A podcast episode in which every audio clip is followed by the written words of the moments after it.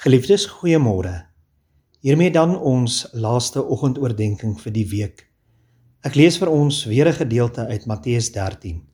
Matteus 13 vers 24 tot 30 en dan vers 36 tot 43. Die gelykenis van die onkruid tussen die koring.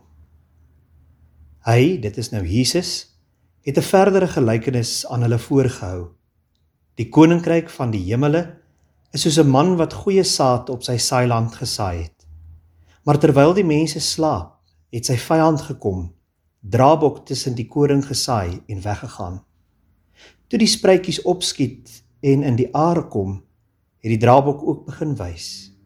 Die eienaar se slawe het vir hom kom sê: "Meneer, het u dan nie goeie saad op die saailand gesaai nie? Waar kom die draabok vandaan?" Hy het hulle geantwoord: "’n Vyand het dit gedoen." Die slawe sê toe vir hom: "Wil u dat ons dit bymekaar gaan maak?" Maar hy sê: "Nee. Anders kan julle dalk terwyl julle die draabok bymekaar maak, die koring saam uittrek. Laat albei saam groei tot die oes toe. En in die oestyd sal ek vir die wat oes sê: Maak eers die draabok bymekaar en bind dit in bondels om dit te verbrand. Maar maak die koring in my skuur bymekaar." Vers 36. Jesus verduidelik die gelykenis. Toe het Jesus die skare weggestuur en die huis binne gegaan. Sy disippels het na hom gekom en gesê: "Verklaar vir ons die gelykenis van die draabok in die saailand." Hy het geantwoord: "Die een wat die goeie saad saai, is die seun van die mens. Die saailand is die wêreld. Die goeie saad is die kinders van die koninkryk. Die draabok is die kinders van die bose. Die vyand wat dit gesaai het, is die duiwel. En die oes is die volëinding van die tyd. En die wat oes, is engele.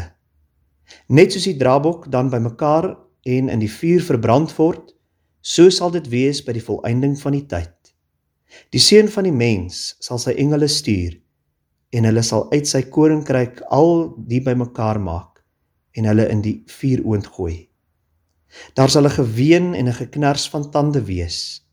Dan sal die regverdige skyn soos die son in die koninkryk van hulle Vader. Laat die wat ore het luister. Die gelykenis, liewe vriende, van die onkruid tussen die koring maak dit aan ons duidelik soos so baie van die ander gelykenisse hier in Matteus 13 dat Jesus die enigste ware saaier is maar dat daar ook saam met hom 'n vyand is wat ook rondloop en slegte saad saai. En die aanhangers wat hy gebruik is sy volgelinge. Hulle wat sy saaiwerk vir hom doen sodat die werk van Jesus teengestaan kan word. Die vreemde ding van die gelykenis is egter dat die slawe kom ons noem dit die kerk, ons, ek en jy beveel word om nie voortydig die onkruid te wil uittrek nie. Want die oordeel behoort aan die Here. Die Here self sal by die finale oes sy engele stuur om die onkruid tussen die koring te verwyder. Die gemeente se taak, my en jou taak, ons as gelowiges, disippels van die Here Jesus se taak is om voort te gaan om die goeie saad te saai, die woord van God te verkondig die evangelie te versprei. En let op dat die saailand nie net die kerk is nie, maar die hele wêreld. Die hele wêreld. Elkeen moet hoor. Die gelykenis sê dis iets oor God se geduld met die wêreld en sy kerk. Hy trek nie sommer die onkruid uit nie, maar wag totdat die oes ryp is. Vir die gelowige en die ongelowige sal die tyd van oordeel egter aanbreek. Kom ons bid saam.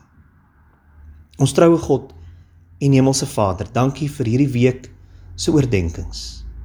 Dankie dat ons by die hoofstuk in Matteus kon stil staan wat so vol is, so ryk is aan gelykenisse oor die koninkryk van die hemele. Dankie dat ons wat u naam aanroep, ons geloof in u bely, kan weet dat ons ook burgers van hierdie koninkryk is. En help ons om soos hierdie gelykenis ook van ons vra, getrou voort te gaan met die roeping wat U op ons lewe gelê het. En dit is om die goeie saad te bly staai. Ondanks onkruid wat ook oral opskiet. Die oordeel behoort aan U. Al wat ons kan doen is om te saai, te verkondig, U lig te versprei en help ons om getrou daaraan te wees. In Jesus naam alleen bid ons dit. Amen.